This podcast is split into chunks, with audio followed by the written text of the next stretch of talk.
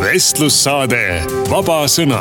Igal kolmapäeval kell üheksateist Virumaa Tre raadios. järelkuulamine viru.treraadio.ee tervist, head raadiokuulajad, mina olen saatejuht Anti Poolamets ja kohe tuletan teile meelde, et korduste aeg on meil laupäeviti kell kaksteist ikka Viru Tre raadio sagedusel ja järelkuulata saate meid ka uute uudiste koduleheküljel ja samuti treraadio.ee pealt, kust võite ka muid Tre raadio saateid kuulata, on äh, põnevad ajaloominutid, mida Mart Helme teeb ja on äh, hulk teisi saateid, nagu muidugi Räägime asjast, mida paljud kindlasti kuulavad igal pühapäeval ja loomulikult järelkuulamisega, aga on ka olemas Raplas põnev saade, mida juhib Siim Pohlak ja Rene Kokk.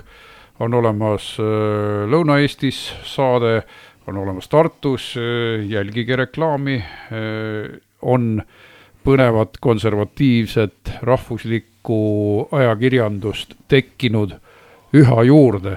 Ja selle järgi on karjuv vajadus ja sellepärast teeme me ka vaba sõna. Ja meeldetuletuseks, et vihakõneseadus ei ole veel rakendunud sellisel kujul, et me võime veel rääkida, enne kui käerauad klõpsatavad.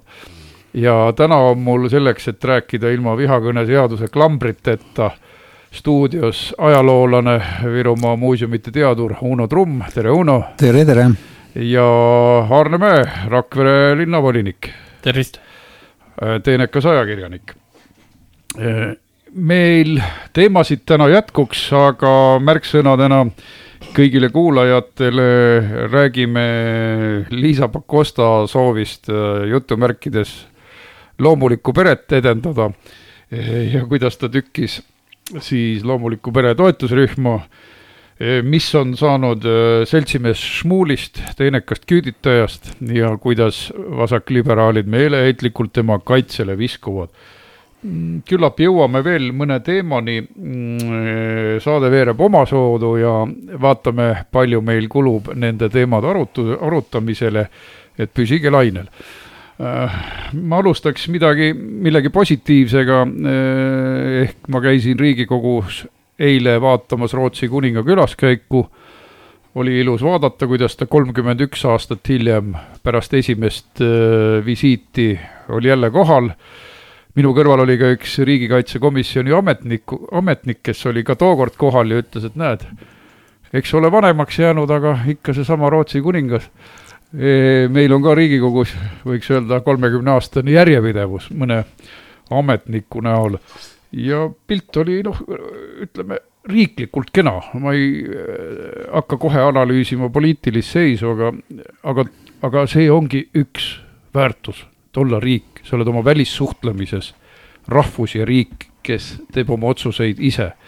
ehk siis tuletan meelde, et Nõukogude võimu neljakümne seitsme aasta jooksul käis ainult üks nii-öelda siis keskvõimu esindaja okupa-, okupeeriva riigi juht Eestis ja see oli Gorbatšov mäletatavasti ka juba siis sula ja lagunemise ajal, kui ta oma nägu näitas. nelikümmend seitse aastat oli tühjus, mitte keegi ei tõstnud siia jalga ja nüüd Rootsi kuningas juba õige mitmendat korda. minu arust Nikita käis ka korra. aga siis pidi olema see mitteametlik. no võib-olla küll, jah. et sellest ei ole ajal ametlikku jälge, võib-olla ta käis puhkebaasis või mul, mul on ka nagu kuklas mingisugused märgid. aga muidu oleks sellest üsna palju ajalooõpikutes kirjutatud, et noh, et siis ta käis siin ja siis ta käis siin ja kohtus mingi partei eliidiga tõenäoliselt äh, keegi on käinud mingitel muudel asjaoludel. Ja jah, see riiklik rituaal oli ilus, vaatasin, kuidas nad allkirja panid, tegin sellest varsti pilti ka, sest külaliste raamat ju viiakse ära. Äh, kolonn oli võimas, äh, et see ajaloolase pilguga vaadates, et me, kui me räägime, et mis eestlastega seitsmesaja aasta jooksul juhtus, kui nad olid siis riigita rahvas üks oluline asi oli just ka välissuhtluse äravõtmine, väliskaubanduse äralõikamine, tippohvitserkonna äralõikamine, et nagu oma otsustusvõime äravõtmine ja see on valus asi ja mina ajaloolasena pean seda kõige olulisemaks kõikide asjade alguseks, et me otsustame oma tuleviku üle ise. sest kui meie ei otsusta, siis teevad seda teised ja juhivad meid oma tahte järgi kuhu tahes. Selle tõttu imbuvad siia hullideoloogiad sisse, selle tõttu tegeletakse kõige muuga kui Eesti asjaajamisega, sest teenindatakse mingisuguseid välisjõude ja, ja mitte ainult ei teenindata niimoodi, et vaatame silma, mida nad ütlevad, vaid Euroopa Liidu asjade komisjonis ma näen kuidas, kuidas viiskümmend protsenti, umbes viiskümmend protsenti kõigist õigusaktidest või, või äh, ja kõigist seadusandlikest aktidest tuleb äh, väljaspoolt ja siis nii-öelda föderatiivselt tasemelt et sellega me oleme ääretult palju kaotanud ja meid juhitakse ka edasi iseseisvuse lagundamise suunas. sest ma käisin terve aasta e-, Euroopa Liidu tulevikukonverentsil, kus peamine huvi oli kaaperdada ära välispoliitiline vabadus riikidelt, et, et suurriigid otsustaksid ehk otsustataks koos jutumärkides. et Uno, sulle ka küsimus, et ajaloolase linnulennult vaadates, et kas sa oled nõus sellega, et eh, kriitilise tähtsusega, et hoida otsustamisvõimet enda käes? no igasugune otsustamisõigus ja võime peaks olema enda käes. kui seda muidugi osataks kasutada, sest noh, kolmekümne üheksandal oli meil ka see võime ja õigus, aga me ei, noh, otsustasime, et me ei kasuta seda. anname lihtsalt ära. aga noh, tänapäeva mõttes muidugi sellepärast et kui me oleksime nüüd järginud kogu seda Euroopa poliitilist joont, mis seisnes Venemaa poputamises ja ei oleks kogu aeg tõstnud teemat Venemaa seisukoha pealt üles, no me ikka tegime seda, vaatamata sellele, kes meil võimul olid ja kes ei olnud, aga noh, täna on meil õigus öelda, et kuradi mälakad, te nägite ju, me rääkisime teile. jah, ja tuhat üheksasada kaheksateist me võtsime otsustuse enda kätte ma ei taha kolmekümne üheksanda aasta arutelu avada, e, aga siis oli meil tõepoolest, aga see oli ka tegelikult enda tehtud otsus, kas minna kohe sõtta või siis proovida edasi lükata, nagu nad ette kujutasid. E, seda kirjutas Eesti, Eestile ette tegelikult väline ähvardus, mis oli väga tõsine ja hävitav ähvardus, nii et seal äh, Anaconda äh, Anaconda äh, suu ees istudes on olnud keerulisi otsuseid küll. üks võib-olla remark veel, et äh, see on see aeg, kui äh, noh, õieti küll oli see viis aastat hiljem, kui külaonud laulsid poe taga, et meid röövel päästis röövli käest et see on võib-olla see hinnang, et me oleksime võinud ju Saksamaa poole pöörduda, aga mille poolest see parem oli aga, aga kõik see viitab sellele, et see iseotsustamine on äärmiselt kallis varandus ja kõik, kes meil püüavad taskust nagu mingit hõbeketti välja meelitada seda, neil on halvad plaanid meiega, et et ei, sõbrad, ärge muretsege, andke kett siia, mul läheb seda rohkem tarvis kui teil ja ja siis on see inimene koos uuriketiga läinud ja me oleme kõigest ilma. nii et no. Eh, me peame õppima ajaloost, et meile tahetakse teha tünga juba seitsesada, kaheksasada aastat eh, ja võtta ära tahe omal maal otsustada ja kui see generatsioon, kes praegu siin elab, selle maha mängib, siis me läheme tumeda plekina Eesti ajalukku. no eks kett võetakse ju koos uuriga, nii et. koos uuriga, koos uuriga. aga Arne, sinult ka veel küsimus, sinule küsimus, oled olnud ju ajakirjanik Rakveres pikka aega, et kas siia on ka mõni väliskülaline jõudnud peale Eesti presidentide, keda sa oled pidanud siis kõrvalt vaatama ja riiklikus rituaalis osalema? mul praegu nii järsku, kui küsid, ei tule meelde, küll aga kui sa rääkisid Rootsi kuningast, siis mulle meenus, et neli-viis aastat tagasi käis Rooma paavst ja ma sattusin täpselt tema auto kõrvale, kui ta tegi akna lahti ja lehvitas mulle, nii et ma olen õnnistatud igatepidi, ta oli Pirital äh,, äh, Pirita kloostri juurest väravatest tuli välja ja ma olin ise teel töötute messile, kuna ma olin just Virumaa teatrist lahkunud. et see oli niisugune tähenduslik ja sillutas mulle tee tänasesse päeva nagu. väga tore, väga aga tore. jah, Eesti presidentidest ma mäletan ju surematut Lennart Merit, kes äh, Pikal tänaval jalutas ja, ja Tapal käis äh, Pariisi piletid ostmas rongijaamas. ja neid kalambuure räägitakse siiamaani, kuidas äh, meie toonane peatoimetaja Hannes Kuusmaa küsis Lennart Merilt, et miks teil nii pikk autokortees on, ta ütles, et kuidas on teie nimi, noormees? Kuusmaa vastas, et Kuusmaa, siis ütles, et nimetagem seda Kuusmaa paradoksiks ja aga korraks veel tagasi tulles kas või oma mälestuste juurde, olen tõesti Rooma paavsti kuulanud Tallinna Raekoja platsil äh, olen mitu korda Dalai-laamat siin näinud, kes ei ole riigi esindaja, ütleme okupeeritud riigi esindaja küll, aga mitte siis de facto vabariigi esindaja ja palju teisi riigijuhte. ja see on privileeg eestlastele suur privileeg omada välissuhtlemist, ma tunnen seda tihedasti, tihedasti eh, ja, ja vahel nautigem ka neid hüvesid, mis meile on veel jäänud. Ja kui me ei ole iseseisvad, siis teate, neil ei ole mingit asja siia, siis tulevad siia mingisugused sõprusvaldade esindajad ja ütlevad, et mängime hokit või jalgpalli ja oleme koos toredad, et see ongi see.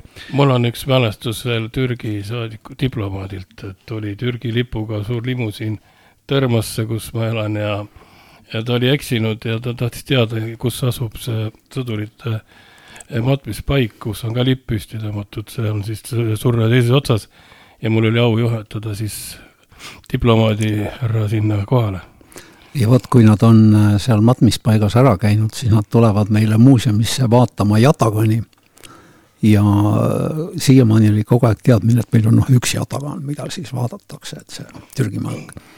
Ja siis me otsisime välja veel paar Jatagani ja veel mõned saablid, no mis mõisahärradelt on kunagi tulnud muuseumi kogudesse. ja siis nad olid veel ekstra rõõmsad. Mõtle, tuled ühte mõõka vaatama ja siis pannakse sulle terve valik ette, eks ole. Jaa, ainult üks märkus veel, et minu meelest Türgi lipp võiks lehvida, ütleme korra aastas seal mälestuspäeval, aga mulle tundub, et see on nüüd mingi uue lipuseaduse järgi Türgi surnuaiaks kuulutatud, et see lipp on seal kogu aeg püsti ja see on natu-, see on imelik küll see on imelik küll, aga välissuhtlemise juurde me tuleme jälle oma saadetes tagasi. E, sa tahtsid lisada midagi? ma tahtsin tegelikult äh,, mul turgatas pähe, kui sa hakkasid Rootsi kuningast rääkima, sihuke väike fakt, et meil tavatsetakse seoses Rootsiga ikka meelde tuletada seda, kuidas me peame nüüd olema samasugused nagu rootslased ja võtma tänuga vastu kõik pagulased. noh, nii nagu Rootsi võttis neljakümne neljandal vastu kõik Eesti pagulased. aga meil unustatakse ära üks väike detail selle pagulaste asja juures. Rootsi saatis Eesti need ülikooliprofessorid ja intelligendid ja, ja, ja noh, kes sinna kõik läksid, okei okay,, noh, lihtsamat rahvast ka, saatis metsatöödele ja turbaravasse täpselt nii oligi, täpselt nii oli ja mõni lausa mitu aastat müttas seal ja siis nad pandi karantiini ehk kontrolliti, et neil haigusi ei oleks paar kuud. aga no Eestis ei ole vahet, siin sõimatakse kõigil näpu, nägu täis, kes küsivad HIV kohta või kes, kes üldse küsivad, et kas Eestil võib piir olla, eks ole. et kas võib piiril kedagi kontrollida, siis peavoolumeedia sõimab teil halastamatult jõhkruse pärast näo täis, et et te julgete öelda, et Eestil oleks piirivalve lõunapiiril ka või et kuidas te julgete, häbematud, siia võib sõita kasvõi viissada tuhat sisse ja ongi kõik, eks ole, ja olge vait. no fakt ongi see, et toona oli igasuguse pagulase staatuse noh, tähendab riiki jäämise eelduseks see, et sa tegid teatud aja lihtsalt lihttööd no nii nagu eestlased Austraalias. no aga ütleme, et see ongi ju mõistlik, et ja. Äh, praegu tänu sellele, et äh, pagulaste elu äh, on tehtud selliseks, et neil ei ole mõtet mitte kusagile tagasi minna oma koju tööd tegema, sest kõik on kinni taotud e,. siis sellepärast Euroopa kukubki kokku, sest miljonite kaupa voolab sisse, raha, raha voolab välja nende peale et selle asemel, et neid tööle panna või midagi teha või siis pärast koju saata, see ongi see mehhanism ja meie peal e, ka Ukrainat kahjustades kasutatakse sedasama mehhanismi Eh, ehk need ei kavatse keegi tagasi saata Ukrainat üles ehitama. aga ma vist vedasin meid rappa nüüd, et äkki ei, no, läheme see, agendaga edasi. see on üks, eh, paraku immigratsiooni teema on ikka meie lemmikteema ja selle eest me saame peksa küll ja küll, sest tõe rääkimine on üks suur kuritegu. üks nüanss on veel selle teema juures, et äh, sama maasika korjamise, et kui äh, needsamad sõjapagulased, kes tulevad Ukrainast, nad ikkagi tahavad rohkem linnadesse ja nii edasi ja sellise töö juures nagu maasika korjamine, kus enne seda on ka kasutatud näiteks Ukrainas ja siis ja ikkagi põllumehed või maasikakasvatajad lähevad ikkagi eraldi otsima veel spetsiaalselt nende töötegijaid sinna, et siis need ei, kas ei taha teha või, või ei, või ei sobi neile see asi, nii et nad ei saa kokkuleppele, nii et et seesama ka, et nad saavad niikuinii igast sotsiaalseid hüvesid, pluss nad ei viitsigi tööd teha, noh, täna me näeme Rakveres on Lidl kinni, ei ole lahti saanud, sest pole lihtsalt töötajaid jah, Arne, hea, et sa meelde tuletasid, sest hooaeg, maasikahooaeg on tulemas ja see on tõesti täiesti absurdimaiguline. ja ma tuletan meelde, millise vihaga siis stigmatiseeriti ja sõimati EKRE-t, et nemad ei armasta põllumehi. kaevati välja kolm-neli ahnet maasikakasvatajat, ma ei kavatse sugugi kõiki nii nimetada, sest ma tean väga tublisid maasikakasvatajaid, kes ei ole kapriissed ja kes kasutavad Eesti kooliõpilaste abi ja kõike. aga mõned üksikud valiti välja, kes siis lärmasid hirmsasti. ja mis me siis näeme, et meil on seitsmekümne ja saja tuhande vahel liikvel siin inimesi, töö, mis on kohane igale kooliõpilasele ja jälle ei ole kedagi võtta, et kas ikkagi nagu miljon tuuakse sisse lõpuks, kui enne kui rahul oldakse või Eesti kakssada äh, endine esimees või tähendab Isamaa endine esimees, praegune Eesti kahesajad, Tsahkna ju lubas kaks miljonit eestlast tekitada. et ma ei tea, parandage mind, kui ma lollust hakkan rääkima, aga ma olen aru saanud, et meil on tegelikult niiviisi, et toorained on meil maailmaturu hinnaga. välja me müüme oma toodangut maailmaturu hinnaga. me hinnad poes on maailmaturu hinnaga või isegi natukese kõrgemad viimasel ajal. aga ma ei olegi siiamaani aru saanud, kuidas kõikide nende muude maailmaturu hindade juures ei ole meil võimalik maksta maailmaturu tasemel palkasid. jaa, kõik sõltub sellest, mida sa ise toodad, et tootja määrab hinna ja meie oleme siin ainuke tööjõud ja, ja oma tööjõuturul samamoodi nagu turutingimustel, aga kui keegi Brasiilias kohvi toodab, siis tema ütleb, palju see maksab ja turu, turg ütleb, eks. kui me toodaks ise kohvi, siis me ütleksime, palju see maksab. ei, ma pean silmas seda, et me saame kõike muud maailmaturu hindadega, välja arvatud palk. Jah, e, nii ta on magus majandusteema, selle ma jätan hetkel vahele mm, -hmm. aga lähen korraks veel. nimetame selle trummi paradoksiks. ärme nimeta, nimetame seda selleks, et meil tegelikult puuduvad ametiühingud. jaa, aga me teeme väikse pausi ja hüppame teise teema juurde vestlussaade Vaba Sõna igal kolmapäeval kell üheksateist Virumaa Tre raadios. järelkuulamine viru.treraadio.ee ja oleme jälle eh, vestlemas järgmisel teemal, tuletan meelde, et stuudios on eh, ajaloolane Uno Trumm ja eh, Rakvere volikogu liige Aarne Mäe. mina olen saatejuht Anti Poolamets ja läheme korraks selle Postimehe teemaga edasi. Postimehes on nüüd nii paksult täis igasuguseid EKRE jutte, et kuna EKRE-st äh, mõned inimesed heideti välja ja siis mõned, mõni läks ise ära, äh, eriti mis puudutab noori, siis ma olin täitsa hämmingus, kuidas äh, läbikukkunud vabaerakondlased, kes kolisid sinna Postimehes kirjutama, no Aimar Altosaar ja Andres Herkel, kes suutsid ühe hooaja oma parteid pidada lendasid näoli mutta ja panid omal äh, erakonna kinni. Äh, neil ei olnud ideid, äh, neil ei olnud sära, neil ei olnud midagi, mis kõnetaks valijat, kukkusid muljetavaldava null koma kahe protsendi toetuse peale ma ju tean, kes neid juhtkirju kirjutab ja siis, siis sealt tuleb, et kuulge, konservatiivne mõte on kriisis, konservatiivne mõte on kriisis, no mis nüüd saab?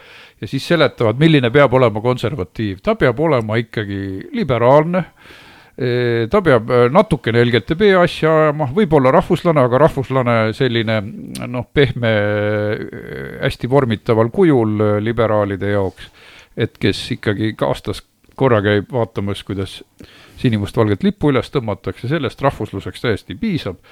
et, et siis need läbikukkunud tegelased kes on talle pesa teinud Postimehes, Strandberg muidugi ka, kes keeras kihva kogu roheliste asja ja häbistas seda ühe hooajaga.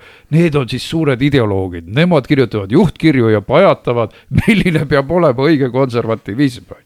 aga mida me siis tegelikult näeme, et praegu näeme uuringute põhjal, et Reformierakond äh, pärast seda jõnksu, müstilist jõnksu, mis valimiste ajal käis, on selle jõnksu kaotanud. me oleme võrdsustumas toetuselt vahepeal ju juba mitme nädala vaates olime isegi ees osadel andmetel. noh mida te õpetate neid, kellel see asi välja tuleb või keda ke,, kelle sõnumid kõnetavad praegu Eesti valijat? noh, sa tead ju Anti isegi, et need, kes ei oska, neil ei jää muud üle, kui teisi õpetada, sest ega nemad ka midagi muud ei oska.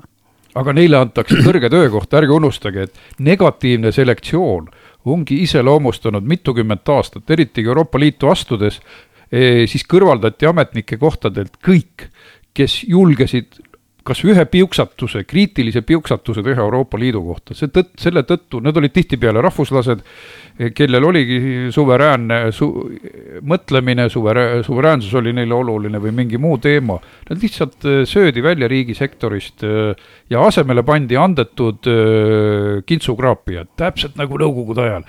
kintsukraapijaid toodi juurde. Ja siis ülejäänud, kes siis äh, võib-olla tahaksid midagi öelda, need vaigistati hirmuga, et jääd töökohast ilma ja see on karm asi. ma olen ise ka seda läbi teinud, et äh, kuidas ähvardati, kuidas pealekaebusi tehti, isegi äh,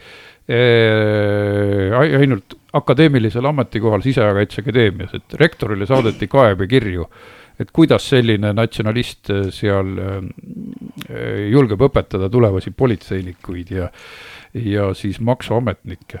aga see Postimehe teema juures, et on ju oluline ära märkida ka seda, et seda väljaannet ju rahastavad ikkagi Isamaa taustaga inimesed, ettevõtjad ja seal on siis ju selgelt näha, et kui noh, seda võiks nimetada moodsa sõnaga infooperatsiooniks enne EKRE kongressi, mis tuleb juunikuus, et siis demoraliseerida meie liikmeskonda mingil määral just noh, tuues välja seda, et me nagu laguneksime tegelikult, faktid igaüks võib äriregistrisse üle vaadata.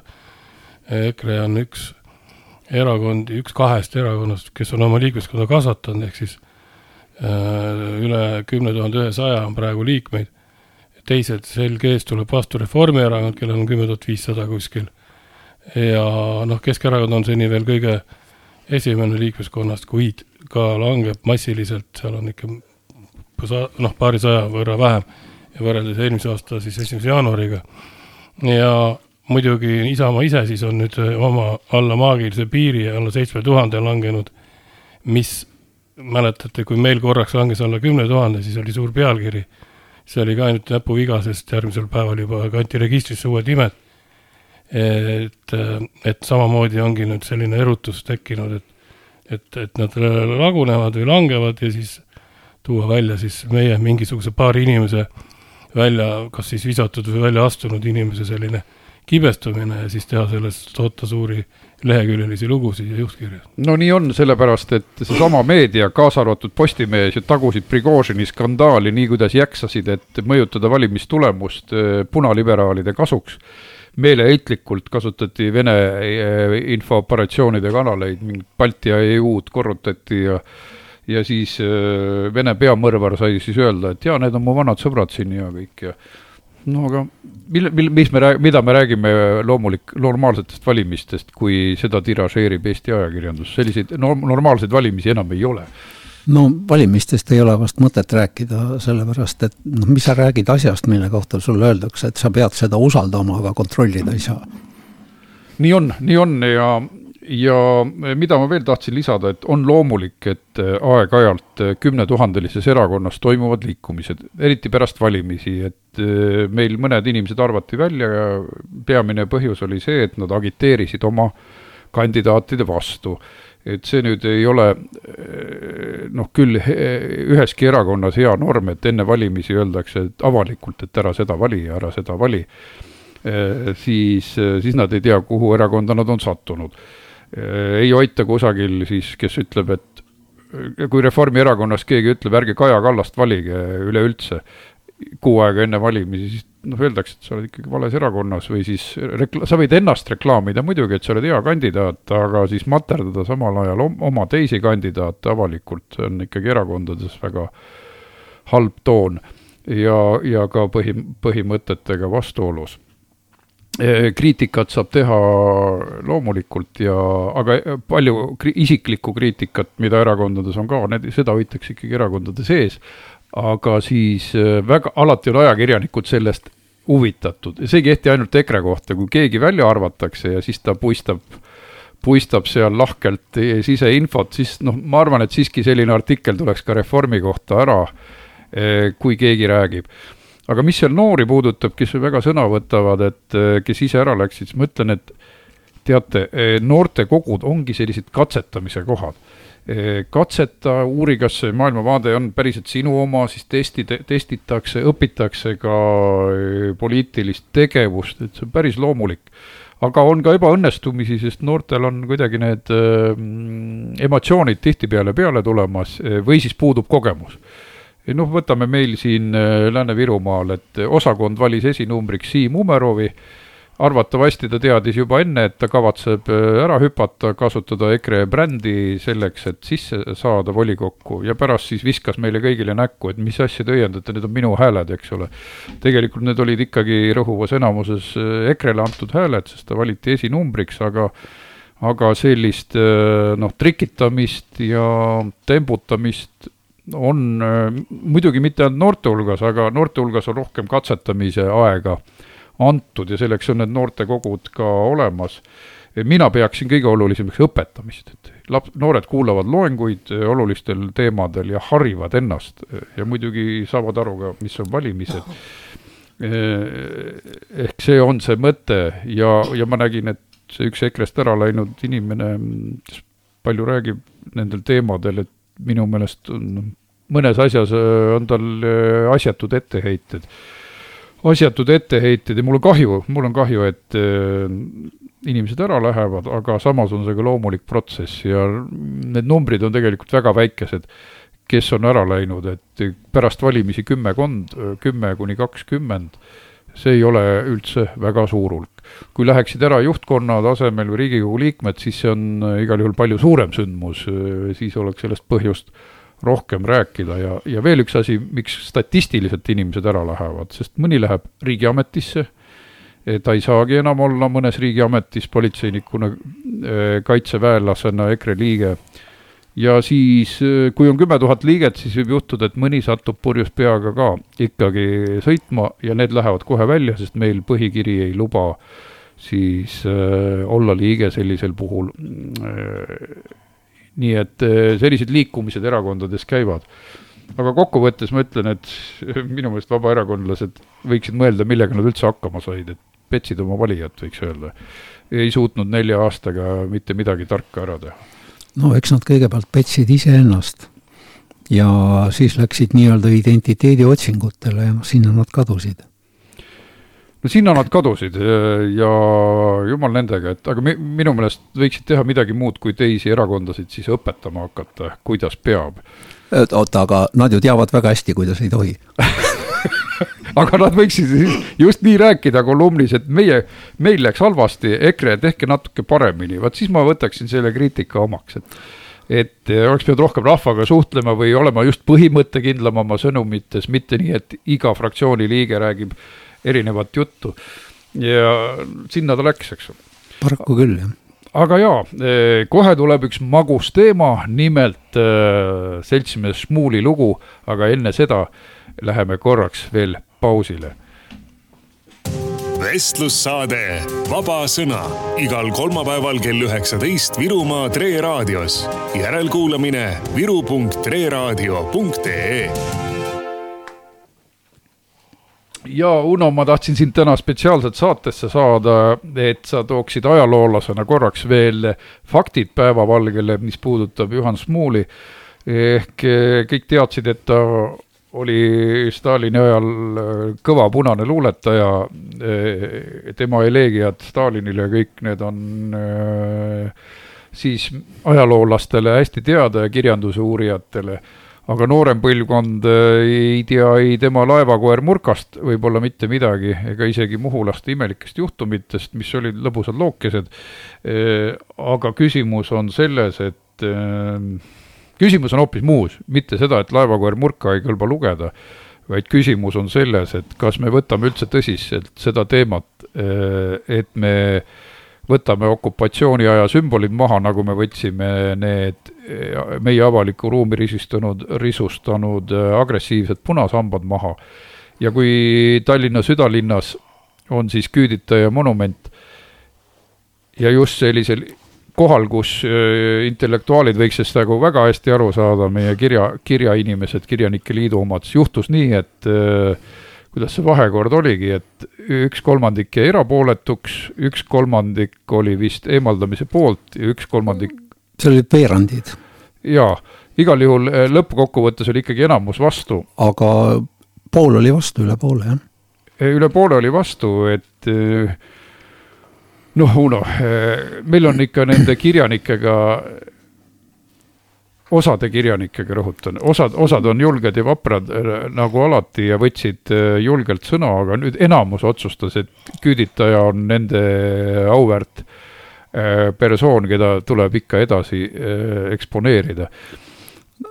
aga võib-olla räägiks natukese siis, nagu sa ütled, faktidest.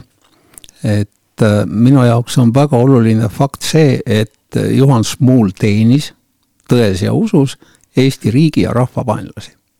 Ja tõestas seda aktiivselt oma tegudega, võtame sellesama Stalini poeemi, võtame kommunistliku noore poeemi, võtame selle kuulsa avaliku kirja Marii Underile, isegi Järvesuu poiste brigaad, millest siin äh, keegi kiitis, et see pidi olema tema üks lemmikuid veel kunagi olnud. ja mis kõige olulisem, ta oli teadlik vaenlane sest ärme unustame, neljakümmend üks kuni nelikümmend neli elas Smuul Nõukogude Liidus. Ja ta pidi nägema, mida see riik endast kujutab. ma saan öelda, et mina hammustasin Nõukogude Liidu olemuse lahti ka just nimelt siis, kui ma teenisin sõjaväes. ennem olin ma niisugune mitteteadlik. ja, ja tema pidi täpselt sedasama avastama siis, aga ta oli otsustanud või oli see tal mingi sisetunne, noh muidugi muhulased, me peame ju seda ka meelde tuletama, et üheksateistkümnenda aastal, aastal nad lõidki Eesti riigile noa selga. et see võis olla neil ka nii-öelda ema piimaga sisse imetud, see Eesti riigi vaenulik suhtumine. no mina poole kohaga mitte poole kohaga, vaid Muhu juurtega. ma julgeksin neid häid, häid muhulasi kaitsta ei no ma, pigem ma olen sinuga ühte meelt, et äh, ei maksa reetureid mingiteks äh, suurteks saare jumalateks teha. Ja muidugi Šmuuli hinnatakse sellega ka, sellepärast ka, et ta lihtsalt kirjutas kohalugusid, tegi koha kuulsaks ja see on loomulik, et et tekib selline teatud sümpaatia, et kes kirjutas Muhu, Muhu kuulsaks. aga kui seda varem ei tehtud, siis nüüd on aeg vaadata tõele näkku ja siin ma näen, et kuidas kuidas ajalooteadmised vähikäiku teevad ja kuidas nagu see moraalne kompass on täiesti laiali lagunenud. et ma just mõtlesin äh, stuudiosse tulles, et, et, et see tunnetusaparaat tõrjub negatiivset, tegelikult inimesed ei taha seda õudust vastu võtta, mis meil ajaloos on, aga samas äh, võib-olla peaks tegema mingisuguse eksperimendi, et pange silmad kinni. mitte nii, et arutate sõbraga ja laske kogu see pilt et äh, kui keegi oli näiteks kümneaastane laps, laske kümme minutit enda silmade eest läbi, et talle tuldi hommikul kell viis järele, püssipäradega taoti uksele, äh, lohistati perega minema, laps kusagil jäisel tänaval kukkus veel kõhuli, teda lohistati seal, tema ema nutis siis ta topiti rongi, kus kõik olid ahastuses, masenduses, ta nägi õudseid vaatepilte, kui tuhanded inimesed olid äh, raudteejaama veetud, see, seal olid tragöödiad, olid kohutavad. rongireisil äh, ta nägi, ma toon ka ühe reaalse inimese näite, kuidas lihtsalt alasti naise laip vedeles lumehanges kuskil äh, raudteejaamas. Ja siis ta seal Siberis pidi kuskil muldonnis proovima ellu jääda, ta teadis, et kui toitu ei tule, kui nad öösel mingisugusele põllule, siis kolhoosi põllule ei lähe korjama maisitõlvikuid, eh, siis nad surevad ära ilmselt. Äh, mille eest võis kusjuures maha lasta? just, eh, et nad teadsid, et nad võivad minna hoopis sellelt Kasahstanist Kolomaale, eh, kui nad, aga nad tahtsid ellu jääda et laske korraks see elu silme eest läbi, et kui keegi väga teadlikult sellele kaasa aitab ja, ja laske nii silme eest läbi, et te panete silmad kinni, et te kujutate elavalt ette, mitte ainult nii-öelda ka, kuidagi kaugelt olles. ja siis, siis teil on hoopis teine tunne et mida need äh, jõhkardid tegid ja me ei puhastu lihtsalt rahvusena, kui me ei võta seisukohta noh, oma mõrvarite suhtes, laste mõrv, laste tapjate suhtes. ja tuletame veel kord meelde, et Juhan Smuul teadis täpselt, millised olud on seal, kuhu need inimesed saadeti. Ta oli ju sealt tulnud. jah, aga, aga vaata isegi, isegi need naiivikud, kes võisid seal lippu lehvitada ja rääkida luulet, mingid luuletajad, illusioonides elavad inimesed. sellest päevast peale, kui nad sunniti küüditajaks ja nad nägid, noh, et mis rolli neid pandi, oleks pidanud noh, ütlema, et nüüd on kõik, eks ole, nüüd ma teen kõik, et selle võimu vastu võidelda, et mind pandi saatana rolli lapsukesi saatma surema koos perekondadega no mul läks pärast seda kirjutama vist oma kuulsat poeemi Mina kommunistlik noor või oli see nüüd Stalinile? Ma ei mäletagi täpselt, aga noh, vahet ei ole. ma küsin muide, kus see viimane paber leiti, kas see oli Virumaa arhiividest? see oli siinsamas jah, Rakveres Lääne-Virumaa arhiivis, et kuna ma ise olen ilmselt äh, üks väheseid inimesi, kes seda paberit on ka füüsilisel kujul näinud ja üles pildistanud ehk siis, siis... Äh, kirjelda seda paberit veel ja mis tähendus sellel on ja mis asi on tegelikult operatiivgrupp äh, tolle aja küüditamise mõistes? No tegelikult äh, sai selleks asjaks läbi vaadatud hoopis rohkem dokumente nüüd kui see üks toimik. ja seal olid tegelikult äh, üsna suur kaust oli ka kirjavahetus sel teemal, kuidas need inimesed kõigepealt kulakuteks kuulutati ja, ja, ja see on niisugune suhteliselt äh, noh, kuidas ma ütlen, äh, masendav kirjavara. Sest kui äh, võetakse tegelikult ühiskonnas siiski silmapaistvad inimesed, kes on olnud need, kes juhtisid kohalikku elu, kes võtsid ette, olid aktiivsed, toimetasid, et no ma mõtlen ka selle peale, et kui Eestis peaks Äh, hoidku jumal selle eest, eks ole, kui Venemaa peaks meile sisse tulema, siis äh, ilmselt meie, kes me siin laua taga istume täna, oleksime kõik ju need, kes läheksid esimese vaguniga sinna kuradi Siberi poole teele uuesti jälle. et äh, selles mõttes see võib olla teatud tingimustel ka meie saatus. aga, aga vaadake, kes neid kaitsma tormasid, kes tormas Muuli kaitsma, Aarne, kas tulid tuttavad nimed ette? ja et see ajabki kõige rohkem vihaseks, et, et praegu on võimalik seda taaka kõike nagu, seda Nõukogude taaka enda õlgadelt ära raputada, me hakkame nagu keerutama ja mingi osa inimesi lihtsalt ka nii-öelda arvamusliidrid võtavad hoopis positsioone, mis nagu ei sobiks vabale Eesti kodanikule, et eh, kui me räägime, ka praegu see tõigi, me ei räägi ju äh, isegi mitte ei räägitud Smuuli tühistamisest, vaid sellest äh, bareljeefist sealt, et korjata ära, eks ei sobi sinna, mis Mait Vaik hakkas, kirjanik ja, ja bändimees ja luuletaja Mait Vaik hakkas seda nagu allkirju koguma, siis tekkis järsku mingi osa kirjanikke, eesotsas näiteks Andrus Kivirähuga, kes hakkas noh, kes hakkasid seda Mait Vaigu isiklikult nagu solvama, ründama seal sotsiaalmeedias. tehti mingeid artikleid ja avaldati arvamusi pugistati, naerdi ja mõnitati neid, kes, kes seda nõudsid või, või kes üldse seda meelt on, et need asjad ei sobi ja ja kogu see reageering, noh, Andrus Kivirähk ütleb, et aga teate, see Juhan Smuul oli ju palju kordi andekam kui need, kes seda allkirju on pannud sinna üheksakümmend tükki. et, et siis loeme välja, et kui ma olen andekas kirjanik, siis ma võin tappa, küüditada, mida iganes, et siis ma annan andeks. noh, ja kogu see vaade nüüd kui me näeme, kuidas selle sõja käiguski nüüd seal Ukrainas on ju, tulevad ja me laseme juba olümpiale jälle neid inimesi, vene sportlasi on ju.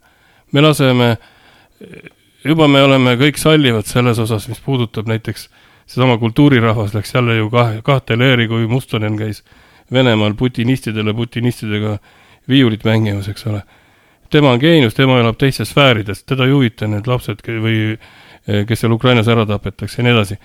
ja see mingi lollakas lõhe on tekkinud selles kohas, kus tegelikult peaks olema nagu kõigil eestlastel üks ainus arusaam, on ju. meil on nagu sõja äh, muuseum on teinud väga hästi, et ta on korjanud rahulikult igal, ilma igasugust palaganita, ilma igast jamata Rakveres kaasa arvatud need monumendid ära, on ju.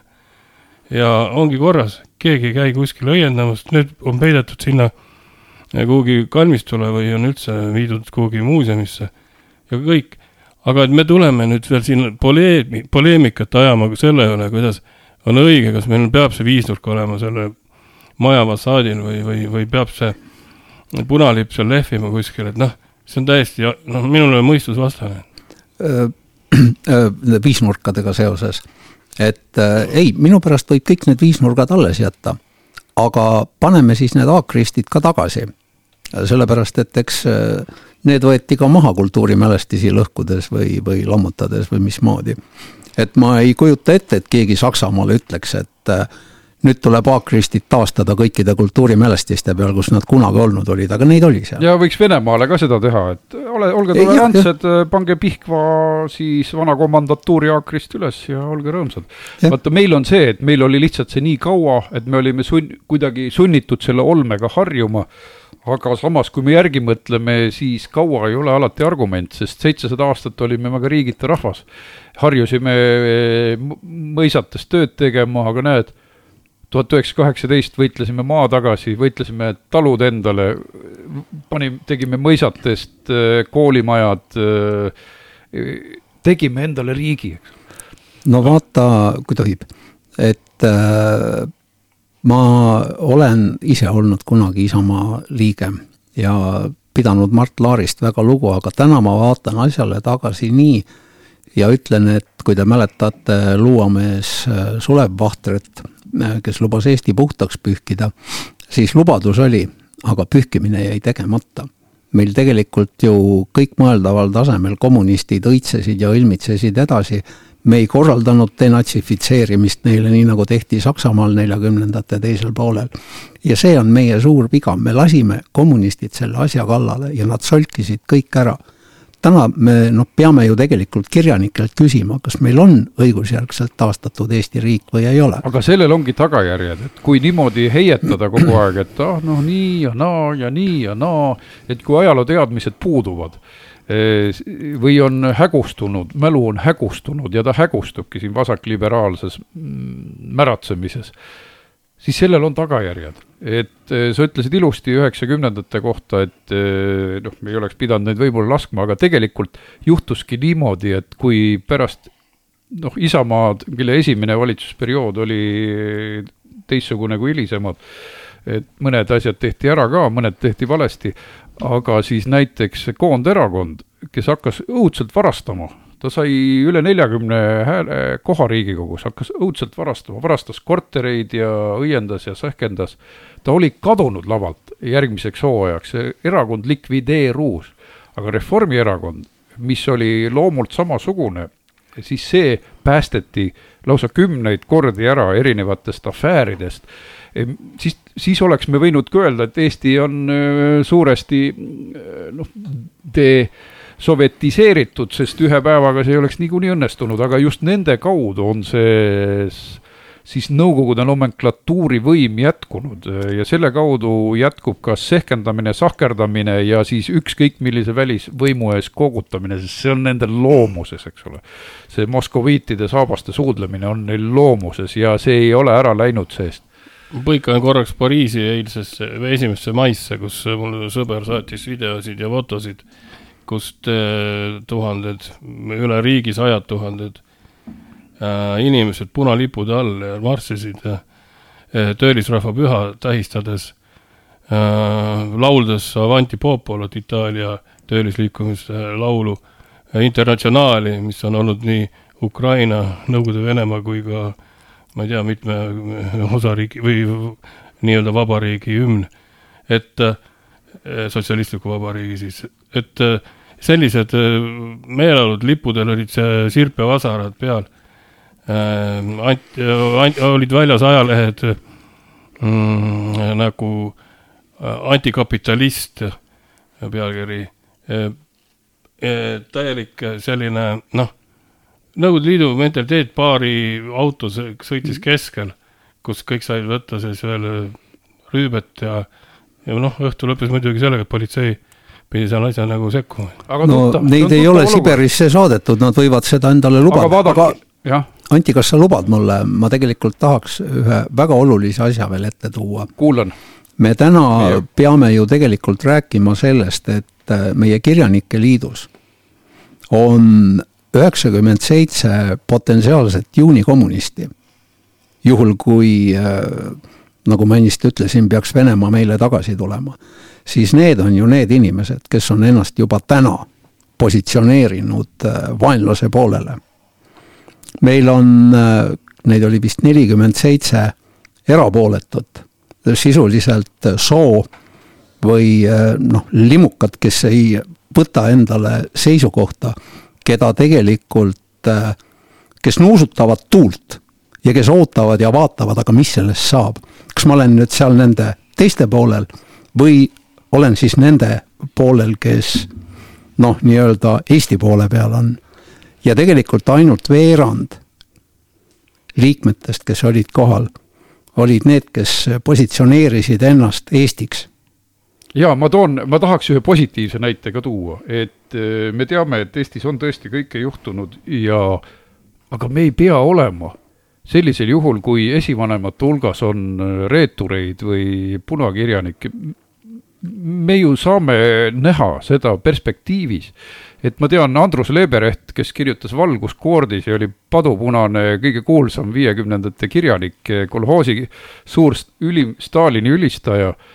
Tema poeg on praegu EKRE liige ja põlgab täiega seda Nõukogude võimu ja noh, räägib ausalt ka oma isa tegudest, ehk et ta tahab sellest koormast vabaneda, mida siis perekonna karma talle kaasa tõi. et eh, muidu me oleksime kõik nagu kiviajal ühe sama mõtlemisviisiga, et inimesel on võimalus eh, anda hinnanguid eh, ka oma vanemate tegudele E, e, mitte, et neid maha salata, aga öelda, et ta tegi seda valesti, et võib-olla ta oli hea isa, aga, aga seda, mida ta teistele inimestele tegi, oli vale. see, kui keegi pani väikesed lapsed rongi perede oma vanematega ja tegelikult viis nad hukatusse, kes, kes siis seda ei, ei suuda hukka mõista, siis ta on väga äärmiselt kalestunud hingega inimene. Paul Viiding ka, kuidas siis, seal on ka järjepidevust Paul Viidingu juhtum ja jällegi asi, millest tuleks, tuleks rääkida sellepärast, et me teaksime, kuidas need, kasvõi need suguvõsad on elanud. Mitte selleks, et kohe patud lastele nuhelda kraesse, vaid pigem seda, et selle ajaloolase vaatega, et või kristliku vaatega, et patte saab ka kahetseda ja nendest siis no vaata, Juhan Šmulil vedas, tal ei olnud lapsi. aga nagu ütleb piibel, siis nuheldakse vanemate patud laste kätte seitsmendast põlvkonnast saadik. ja eks me mõnes mõttes ja osaliselt seda ju ka näeme. Ekspressi artikkel mainis jah ära, et ka Paul Viiding astus komparteisse ja ast-, kes oli ju kuulus kirjanik juba Eesti ajal, arbujate liige, aga leidis endale tõelise juunikommunisti kutsumuse ja samas tema poeg Juhan Viiding oli ju vägagi Nõukogude vastane ja, ja veel üks põlvkond edasi, siis siis me näeme, et jälle on läinud vasakäärmuslikuks kätte kui Indrek Tarandit vaadata. aga tead, ma ausalt öelda tundsin korraga ka, ma olen olnud Juhan Viidingu austaja praktiliselt terve oma elu, nii palju kui ma ennast mäletan.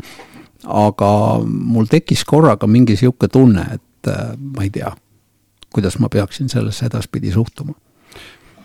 no vaata, meie kultuuriruumis on kristlus ju ikkagi oma sõnumitega meil sees või selle mõtlemisviisiga, ehk inimestel peaks olema võimalus väljuda. geenidest me ei saa väljuda, aga eetilises mõttes me saame öelda, et ei, et see ei kõlba mitte kusagile. no paraku Juhan Viiding väljus pärast Eesti riigi tulekut vabatahtlikult ja noh, tegelikult kui me nüüd üritame Juhan Šmuuli vastu aus olla, siis need, kes teda siin pooldavad ja haibivad, väidavad, et Šmuul ka nagu sisuliselt väljus vabatahtlikult, hakates alkohoolikuks ja surres selle kätte ära, ma kujutan ette, kuigi samal ajal pidades kõiki neid funktsionääri ameteid, mis talle olid usaldatud, et see ei ole nagu niisugune ka noh, loogiline jaa, äh, teate, me ei jõuagi ühe minu lemmikteemani, ma tahtsin rääkida, kuidas äh, Liisa Pakosta otsustas loomuliku abielu toetusgruppi astuda. see on õieti nagu följeton, aga selleks ma järgmine kord vast trükin välja lausa tema ütlused, see väärib eraldi käsitlemist ma tahaksin kommentaariks öelda nii palju, et kui nüüd tõepoolest Riigikogu võtab vastu selle äh, nii-öelda sooneutraalse abieluseaduse, siis peab tõsiselt kaaluma, kas ma tahan jääda edasi oma heteroseksuaalsesse abiellu või peab selle ära lahutama ja abikaasaga edasi elama vabaabielus. sest äh, jah. jah, jah. see on niisugune raske küsimus. aga nii palju mainin ära kõigile, kes arvab, et äh, trotskistlik hullus võiks lõpuks lõppeda siin Eesti Vabariigis siis kahekümne seitsmendal mail on Riigikogu ees suur meeleavaldus, küllap kellaaja algu-, alguse osas ma ei oska veel üle öelda, et see peaks küllap olema seal keskpäeval, aga selles osas täpsustame. et muidugi saab seal sõna sekka öelda või oma meelsust avaldada ka kõige muu hulluse osas, ka selle patoloogilise valetamise osas, millega võimule tuldi. Ja, ja siis selle nagu ma ütlesin, trotskistliku hulluse vastu, et kõik tuleb ümber teha, perekond tuleb ümber teha, sugu tuleb ümber teha, eh, rahvusriik tuleb ära lammutada, ehk minu meelest tuleb vastu hakata nii, nagu meie esivanemad hakkasid marksismile vastu. Ja neid ei olnud tegelikult palju. me ei pea endale sellist äh, häbikotti selga võtma, et eestlased on kõik suured šmuulitajad ja äh, hingelt küüditajad, neid oli väga vähe äh,. aga võim tõstis nad esile, nii nagu neid äh, peidrikke on tänagi vähe, aga võim paneb nad esile tõstab esile, meedia puhub üles, enamus inimesi on sügavalt normaalsed ja tahavad rahulikku elu, mitte lõputuid revolutsioone ja marksistlikke värinaid läbi teha. aga jätame midagi ka järgmiseks nädalaks, maiuspalad veel tulevad, sest meie revolutsiooniline valitsus toob teemad kogu aeg meie õuele. aitäh, Uno Trumm, ajaloolane Virumaa muuseumitest, aitäh, Aarne Mäe Rakvere volikogu liige, kindlasti tuleme ka Lääne-Virumaa teemadega peatselt eetrisse. Kuulmiseni! head aega!